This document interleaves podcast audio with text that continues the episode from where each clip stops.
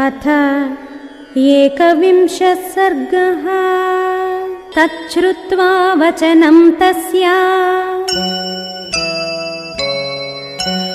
स्नेहपर्याकुलाक्षरम् समन्युः कौशिको वाक्यम्।